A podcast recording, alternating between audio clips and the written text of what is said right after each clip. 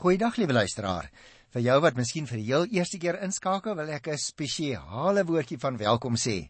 En ek hoop jy sal, sal sommer van nou af gereeld inskakel op ons lekker program Die Bybel vir vandag. Ons is eintlik besig om die Bybel deur te werk van Genesis tot Openbaring so die Here wil. En ons doen so een of twee boeke uit die Ou Testament en dan vir afwisseling 'n boek in die Nuwe Testament. Nou ons het al baie ver gevorder hoor. Jy is net betyds om nog so 'n paar skofte met ons saam te ry deur die boek 1 Korintiërs en ek is vandag by die 7de hoofstuk en ek gaan vers 25 tot vers 40 behandel. Ek sal ook baie bly wees as jy iemand is wat die voorreg het om rustig tuis te wees as jy na die program luister, dat jy jou Bybel voortdurend sal oophou en dan kan jy ons baie maklik volg. Nou in hierdie gedeelte wat ek gaan behandel, vers 25 tot 40, in hierdie skrifgedeelte is die apostel besig om antwoord te gee op sekere vrae van ongetroudes, met name jong dogters wat nou in huwelik uitgegee kan word. Hy rig die oog op die aanstaande nood wat die wederkoms van die Here sal voorafgaan en beveel dan aan dat dit beter is dat elkeen bly soos hy is omdat die tyd kort is. Dit is ook beter sê die apostel om van sorge oor die daaglikse lewe vry te bly ten einde die Here beter te dien. In elk geval voer hy aan van vers 36 af. Is dit geen sonde indien 'n jong meisie trou nie? Wat die weduwees betref, is dit beter as hulle ongetroud bly. So beveel die apostel aan. Maar hy sê daar is ook geen beswaar as hulle wil trou nie, mits dit met 'n gelowige is.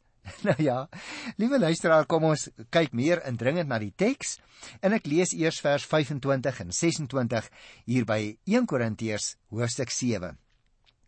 Wat die ongetroudes betref, het ek geen bevel van die Here nie, maar ek gee my eie mening as iemand wat deur die genade van die Here betroubaar is. Ek meen dat met die oog op die swaar kry van die eindtyd, dit vir 'n mens goed is om te bly soos ek is. Nou jy sien is vir ons baie duidelik 'n vraag is aan die apostel gestel en blykbaar deur baie besorgde vaders oor die toekoms van hulle huubare dogters. Moet die Christenouer wat uitsien na die wederkoms van die Here en daarom die heiligheid van sy lewe in sy gesin nastreef, moet so ouer nou voortgaan om sy jong dogters in huwelik uit te gee? Dit is die vraag. En hierop antwoord Paulus dat hy in die verband geen direkte uitsprake van Here Jesus kan aanhaal nie. Tog verkeer hy in geen onsekerheid omtrent wat die regte manier sou wees nie. Sy mening wat op goeie kennis berus, so sê die apostel self, bied hy aan as iemand wat deur die genade van die Here getrou bevind is in die uitoefening van sy amp as apostel. Sy trou en sy betroubaarheid ook is is nie terug te voer tot sy eie bekwaamhede of goeie karaktereienskappe as mens nie, maar Hy voer dit terug tot die Here wat hom begenadig het en dit nog daagliks doen. Het jy dit opgelet in die werkwoord? Daarom moet sy mening gesag dra by die gemeente. En daarom sê hy dus in die vers 26 ek meen dat met die oog op die swaar kry van die eindtyd dit vir 'n mens goed is om te bly soos ek is. Jy sien, uh, liewe luisteraar, die antwoord wat die apostel gee, word bepaal deur die aanstaande eindtyd, né? En hierdie uitdrukking word ook vertaal met bestaande nood as 'n mens wil. Die woord wat vir die nood gebruik word, dui op 'n groot benoudheid wat onheil meebring en wat onafwendbaar is. Dit het natuurlik nou nie direk betrekking op 'n besondere noodtoestand wat aan die kom oor die stad Korinte spesifiek is nie, maar veel eer lyk dit vir my daardie nood wat die Christelike gemeente in die wêreld belewe. Dit vloei voort uit die stryd van die magte van die Satan teen die ryk van die lig. En hierdie nood, sê die apostel, is dringend aanstaande en dit bereik sy hoogtepunt kort voor die wederkoms van die Here Jesus. Maar dit is ook reeds bestaande, sê hy. Dit wil sê, die gemeente van Christus is hier in die teenwoordige tyd reeds betrokke in hierdie nood. En daarom lei ons ook dikwels daagliks daaronder. Nou sê die apostel in sulke omstandighede is dit goed. Dit is selfs aan te beveel sê hy vir 'n mens, dit is nou die Christene, om niks in die lewe by te bring wat dit nog meer ingewikkeld sal maak nie. dus die lewe moet ingerig word sê hy met die oog op die eise wat die nood gaan stel aan ons as Christus gelowiges. Daarom is dit beter om te bly soos jy is. Dit wil sê, die ongetroudes moet liewer ongetroud en dus ook ongebonde bly. Maar luister nou na die 27ste vers. As jy getroud is, moenie skei nie. As jy ongetroud is, moenie 'n vrou soek nie. Dis baie duidelik dat die apostel sê in die lig van hierdie dringendheid van die tyd, die getroudes mag nie die afleiding maak dat hulle liewer van hulle vroue moet skei en hulle self van die vrouens moet losmaak nie. Die apostel het immers al reeds gesê dat hulle nie moet skei nie. Onthou jy nog verlede program, daar vers 10 en vers 12 en vers 13 het ons dit ook gesien. En nou herhaal hy dat die huwelik gehandhaaf moet bly. Net so ook moet die ongetroude nie voortgaan om hom met 'n vrou te verbind nie.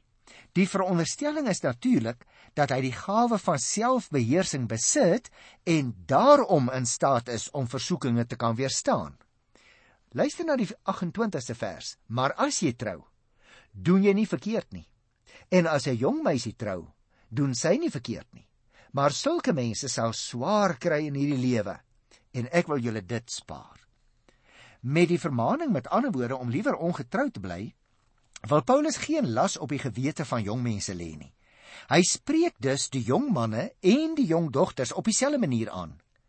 Dit lyk vir my daar kan baie goeie redes bestaan vir die aangang van 'n huwelik. En iemand wat trou, doen geen sonde nie. Trouwens, die huwelik is dan deur die Here self ingestel. Gaan lees maar weer daar by Genesis 2 van die 18de vers af. Die woord wat Paulus hier gebruik vir sondig beteken letterlik om die doel te mis. Dus jong mense wat trou, moet nie onder die misverstand verkeer dat hulle sodoende hulle lewensdoel misloop nie. Dit is glad nie die geval nie. Dis ook nie wat die apostel wil sê nie. En daarom hoef sulke jong mense oor die huwelik geen kwelling van die gewete te hê nie. Hulle moet egter vooruit weet dat hulle verdrukking in die lewe elke dag sal hê.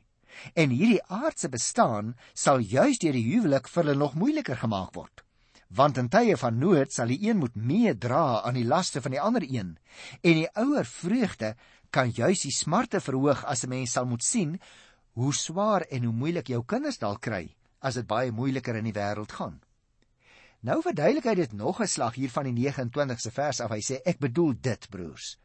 Die tyd is min.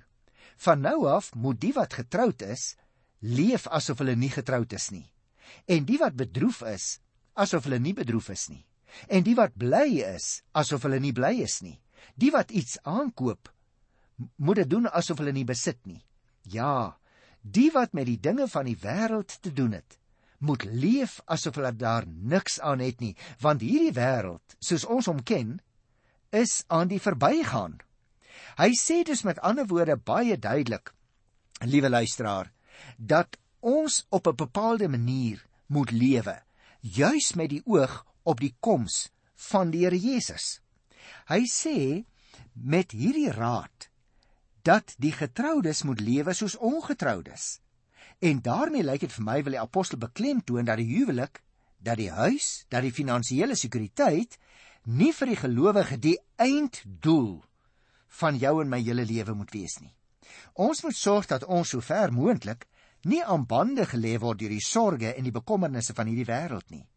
Ons moet dus nie betrokke raak by dinge en dit sluit natuurlik nou finansiële transaksies in wat ons aandag van God af kan aftrek nie. Dit lyk vir my die apostel wys dus tereg daarop dat 'n getroude man aandag moet skenk aan sy aardse verantwoordelikhede. Hy moet egter sorg dat die dinge nie hand uitdruk nie. En ek dink dit is nogal baie belangrik, liewe luisteraar, want jy en ek kan ons tog so onnodiglik bekommer oor aardse dinge. Ons kan so besig raak met die dinge van hierdie wêreld dat ons glad nie meer lewe in die lig van die wederkoms van die Here Jesus nie. Daarom dat hy hier van die 29ste vers af sê, die tyd is min.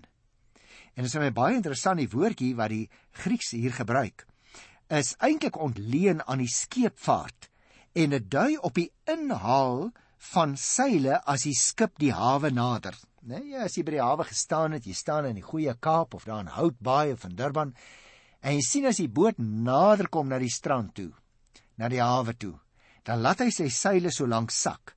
En hierdie tydsbedeling waarin jy en ek in die wêreld is, loop dus ook ten einde. Met ander woorde, net soos daai skip sal hierdie wêreld ook op 'n dag aan die einde van die lang tog van baie eeue kom. En daarom moenie geheel en al in huwelik opgegaan word nie, net so min as wat 'n mens vaste verblyf inrig op 'n skip wat besig is om die hawe binne te vaar. En hierdie siening, liewe luisteraars van die tyd, raak ook ander lewensfunksies, soos byvoorbeeld smart of blydskap of besittings. Jy sien met die koms van die Here Jesus het 'n nuwe tydbedeling aangebreek en is die huidige vorm en die bestaan van die wêreld aan die verbygaan, is die apostel se woorde. Die gelowige hoort by die nuwe tydsbedeling en kan dus nie ons geluk vind in die dinge wat verbygaan nie al moet ons wel dankbaar wees as ons van daardie dinge gebruik kan maak die apostel het dus 'n baie duidelike wat sal ek dit noem eindtyd beskouing hy sê ons is eintlik reeds in die eindtyd. Ons is eintlik besig om die hawe te nader.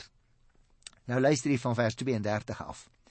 Ek wil hê julle moet vry wees van sorges Die ongetroude man gee aandag aan die dinge van die Here, aan hoe hy die Here kan behaag. Die getroude man gee ook aandag aan die dinge van die wêreld, aan hoe hy sy vrou kan behaag en sy aandag is verdeel. Ook die ongetroude vrou en 'n jong meisie gee aandag aan die dinge van die Here, maar haar liggaam en gees aan hom toegewy te wees. Maar die getroude vrou gee ook aandag aan die dinge van die wêreld hoe sy haar man kan behaag. Dit lyk vir my, liewe luisteraar, as ek dit nou in eie woorde vir jou mag sê, dit gaan hier oor prioriteite. Hy sê wie jy wat, in die lig van die Here Jesus se koms wat op hande is, moet jy as Christen ook op 'n bepaalde manier optree. Dit geld ook vir jou en vir my, liewe luisteraar. Ons moenie in ons hele lewe so opgaan in ons lewensmaat dat ons die wederkoms van die Here Jesus begin vergeet nie. Om die waarheid te sê, in die lig van sy dringende koms wat ons elke oomblik behoort te verwag, gaan juis daardie verwagting wat in ons harte lewe, ons op 'n bepaalde manier laat optree, ook teenoor mekaar. Met ander woorde, ons hoef nie nou skielik mekaar te los omdat ons die wederkoms enige oomblik verwag nie. Nee.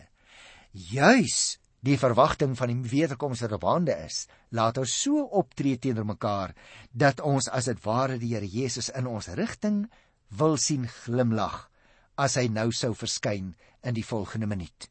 Dit lyk my die twee goed, naamlik hoe ek nou lewe, staan nie in stryd met die feit dat die Here Jesus se koms op hande is nie. Die feit dat ons in die dringende tyd van die verwagting van sy koms lewe, spoor ons juis aan op 'n bepaalde manier teenoor mekaar op te tree elke dag van ons bestaan. En dit bring my by die 35ste versie wat ek so bietjie stadiger wil behandel, omdat dit juis my so 'n baie besondere versie is. Ek gaan hom eers alleen lees. Dit alles sê ek vir julle eie beswil. Ek wil julle nie aanbandel hê nie, maar ek wil hê julle moet in eerbaarheid lewe en in onverdeelde toewyding aan die Here. Kom ek sê dit eers net baie eenvoudig en dan gaan ons so 'n bietjie dieper daarop inboor, né, soos 'n tandarts in 'n tand. Die apostel lyk vir my wil hê dat hulle nie van hulle vryheid beroof moet word om te besluit of hulle wil trou of nie wil trou nie. Hy gee eintlik slegs maar raad om hulle beter toe te rus vir 'n lewe van diens aan die Here en 'n lewe van toewyding aan die Here. So as ons nou meer indringend na die teks wou kyk, dan sou ek wou sê, dit gaan hier om die volgende: dat hy nog 'n keer die gemeente van sy sekerheid daarvan wil verseker dat hy hulle belang op die hart dra.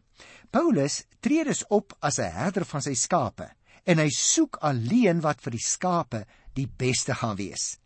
Hy sê in die tyd waarin hulle lewe, met die oog op die aanstaande nood wat gaan kom, is dit beter om nie in 'n huwelik gebonde te wees nie. En deur dit te sê, is hy besig om hulle in 'n bepaalde stryk te probeer vang en hulle van hulle vryheid te beroof nie. Nee, dit wil hy nie doen nie. Hulle bly natuurlik volkome vry om na bevind van persoonlike omstandighede te trou of nie te trou nie. Maar sy raad is alleen daarop gemik om hulle toe te rus vir 'n gode welbehaaglike en onverdeelde toewyding aan die Here. Jy sien liewe luisteraar, veral as jy 'n jong mens is wat miskien op die punt staan om te trou, dan is die apostel besig om te sê, juis ook as jy sou besluit om te trou, liewe jong mense, dan kan julle aanvulling van mekaar en die bydrae van die een tot die afronding en die volheid van die ander een se lewe juis so wonderliker wees binne die ruimte van die huwelik. Daarom, liewe luisteraar, ek dink dit is 'n belangrike opmerking. Is dit van belang dat jy en ek in hierdie gedeelte sal raak sien dat juis omdat die huwelik 'n instelling van die Here is, juis daarom staan die feit van die Here Jesus se koms nie teenoor die huwelik nie, maar kan die huwelik en die rolle spel van die man en die vrou teenoor mekaar in die huwelik soveel meer sinvol wees in die lig van sy koms. Nou kom ons lees nou eers hier vers 36 tot 38 by 1 Korintiërs 7 en dan gesels ons ook daaroor so 'n uh, eh, bietjie indringend met mekaar. Die apostel sê: As iemand meen dat hy teenoor sy verloofde onbehoorlik handel deur nie te trou nie en sy begeertes te sterk word en hy voel dat hulle behoort te trou, Laat hom doen wat hy graag wil. Laat hulle gerus trou. Dis nie verkeerd nie. Maar as iemand in sy eie gemoed oortuig is dat hy nie moet trou nie en hy nie onder enige dwang verkeer nie, maar volle beheer oor sy eie wil het en hy by homself besluit het om nie te trou nie, doen hy 'n goeie ding. Dus hy wat met sy verloofde trou, doen goed. Wie egter nie trou nie, doen beter. Nou jy sien liewe luisteraar, weer eens sê die apostel dit in die lig van die naderende koms van die Here en dit bly vir ons duidelik dat die Nuwe Testamentiese gelowiges 'n baie dringende verwagting gehad het ten opsigte van die wederkoms. Besondere aandag word dan nou ook in hierdie uh, vers 36 tot tot 38 gegee aan 'n baie spesifieke geval van huweliksluiting. Nou is daar ook, moet ek dadelik sê, so 'n bietjie verskil van verklaring oor wie die persoon is wat meen dat hy onbehoorlik sou handel in hierdie gedeelte. Maar jy sien, dit is nie heeltemal duidelik nie. In hierdie vertaling gaan van die opvatting uit dat hier gehandel word oor die optrede van die verloofde van 'n jong meisie. As die verhouding sodanig ontwikkel het dat die huwelik nou moet volg, met ander woorde dat mense psigies en fisies so dringend tot mekaar aangetrokke voel dat hulle voel ons kan nou nie langer wag nie, ons wil nou trou. Hy sê dan is dit goed dat hulle in 'n huwelik tree. As 'n jong man egter oortuig is dat die huwelik nie gesluit moet word nie en hy nie daartoe deur uitwendige sake gedwing word nie, sê die apostel, dan doen hy goed om nie te trou nie. Daar moet dus, lyk dit vir my, na bevind van sake gehandel word. 'n Ander verklaring byvoorbeeld sien in hierdie geval wat genoem word die optrede van die pa teenoor sy dogter. Maar dit lyk vir my persoonlik minder waarskynlik. Dan is die bedoeling as dit so sou wees dat die pa nie verkeerd doen om toestemming te verleen as hy insien dat die dogter nie as dit ware nie anders kan nie as om te trou. As hy egter oortuig is dat dit nie behoort te gebeur nie, doen hy reg as hy nie as pa die huwelik goedkeur en wil laat plaasvind nie. Die 38ste vers sê dit duidelik. Dus hy wat met sy verloofde trou en daaruit kan jy nou sien hoekom ek sê ek dink dit gaan hier oor die pa nie, dit gaan oor die aanstaande bruidegom, want hier staan dus hy wat met sy verloofde trou doen goed. Wie egter nie trou nie, doen beter. Met ander woorde, die apostel Paulus se siening dat 'n ongetroude beter doen as iemand wat trou, is dan gegrond op die feit dat die ongetroude meer tyd het om vir God te werk. Aangesien hy minder verantwoordelikhede dra as sy getroude maat. Om ongetrou te wees beteken egter nie dat 'n mens van selfsprekend meer tyd daaraan spandeer om God te dien nie, hoor. Dit gaan immers afhang van 'n mens se gesindheid. En dit gaan dus verskil van mens tot mens. Die bedoeling is maar net dat die ongetroude nie al die sorges van die getroude lewe ook nog hoef te dra nie. As jy dus, liewe luisteraar, jonk is En as niks wat jou verplig om te trou nie, dan moet jy miskien nie te haastig wees om te trou nie. Ek kan jou vertel het 'n lang bediening van 30 jaar het ek al heel dikwels gesien hoe dat jong mense trou, maar eintlik te gou trou. Hulle is nog self baie jonk of hulle ken mekaar nog nie lank genoeg nie. En sodra die tyd aanbreek dat hulle sak sout saam moet begin opeet, dan sê die een party maar ek sien meer kans daarvoor nie. Maar nou is dit baie interessant hoe die apostel 1 Korintiërs 7 afsluit. Luister na vers 39 en vers 40. Hy sê: 'n Vrou is aan haar man gebind solank as hy lewe. As hy sterwe, is sy vrou vry om te trou met wie sy wil, mits dit met 'n gelowige is. Nou kom ons staan eers stil by hierdie enkele versie 39 want dit is belangrik. Want dit is is baie duidelik dat Paulus hier 'n woordjie spesifiek rig aan die weduwees waarmee hy eintlik ook hierdie onderwerp wil afsluit. Die vraag is of sy 'n tweede huwelik mag aangaan as sy 'n weduwee is.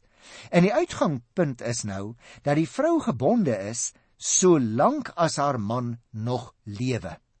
En dit is ook, sal jy nog onthou, het ons by vers 15 gesien, dieselfde geval by egskeiding, waar nie gesê word dat die geskeidene die reg het om weer te trou nie. Jy sien, deur die dood word die huwelik finaal beëindig en is die vrou vry om te trou met wie sy wil. Vir die Christen weduwee is daar egter 'n uiters belangrike beperking. Haar besluit en daad moet in die Here wees. daarmee word natuurlik bedoel dat sy hierin moet doen waarvan die Here hou dat sy die wil van die Here moet nastrewe. En daaruit, net soos in die vorige program by vers 12 tot 16, moet dus afgelei word dat sy met 'n geloofsgenoot moet trou en nie met 'n ongelowige nie. En daarom wil ek afsluit met vers 40. Luister mooi. Tog is sy na my mening gelukkiger as sy ongetroud bly. En ek dink dat ek ook die gees van God het. Jy sien, Liewe luisteraar, die voorkeur vir die ongehuide staat word ook hier nog 'n keer herhaal. In daardie staat kan iemand die dinge van die Here beter nastrewe en sal so 'n weduwee ook gelukkiger wees volgens die apostel. Waarskynlik bedoel Paulus dat groter geestelike geluk verkry sal word. Maar ook dat die weduwee wat nie 'n tweede huwelik aangaan nie, gelukkig of goed behandel behoort te word. Hierdie mening bied die apostel aan as sy eie mening. Tog kom dit met groot gesag sê hy, want hy weet dat hy ook die gees van God het en dus gesaghebend onder leiding van die Heilige Gees praat. Die laaste opmerking oor die Heilige Gees, lyk dit vir my hier, moet ook dien, liewe luisteraar, om die gemeente te beweeg om alles wat hy oor die huweliksvraagstukke gesê het, baie ernstig behoort te oorweeg. Met ander woorde, dit gaan nie maar net om die menings of die gevoelens van Paulus nie, maar ook om die onderrig deur die Heilige Gees. In gewone boeretaal sou ek vir jou wou sê, luisteraar, dit lyk vir my dat ons gerus maar 'n slaggie kan terugdink aan daardie ou uitdrukking wat die boere in die tyd van die voortrekkers gehad het. Hulle het gesê as dit donker is. Met ander woorde, as dit nag is. Hulle het gesê as dit donker is, dan moet jy nie trek nie. Dan bly jy net waar jy is. En dit lyk my dis dieselfde soort raad wat die apostel hier gee aan jong mense en aan ongetroude weduwees wat op die punt staan om weer te trou. Hy sê as jy nie duidelikheid het nie, moet liewer nie trou nie. Maar as jy sou besluit om te trou, is daar vir jou as weduwee niks wat dit in die weg staan nie behalwe een voorbou. Die apostel sê dan moet jy met 'n gelowige trou. En ek het al hoeveel keer gesien hoe dat mense nie daarmee erns maak nie en dan kom hulle in groot probleme.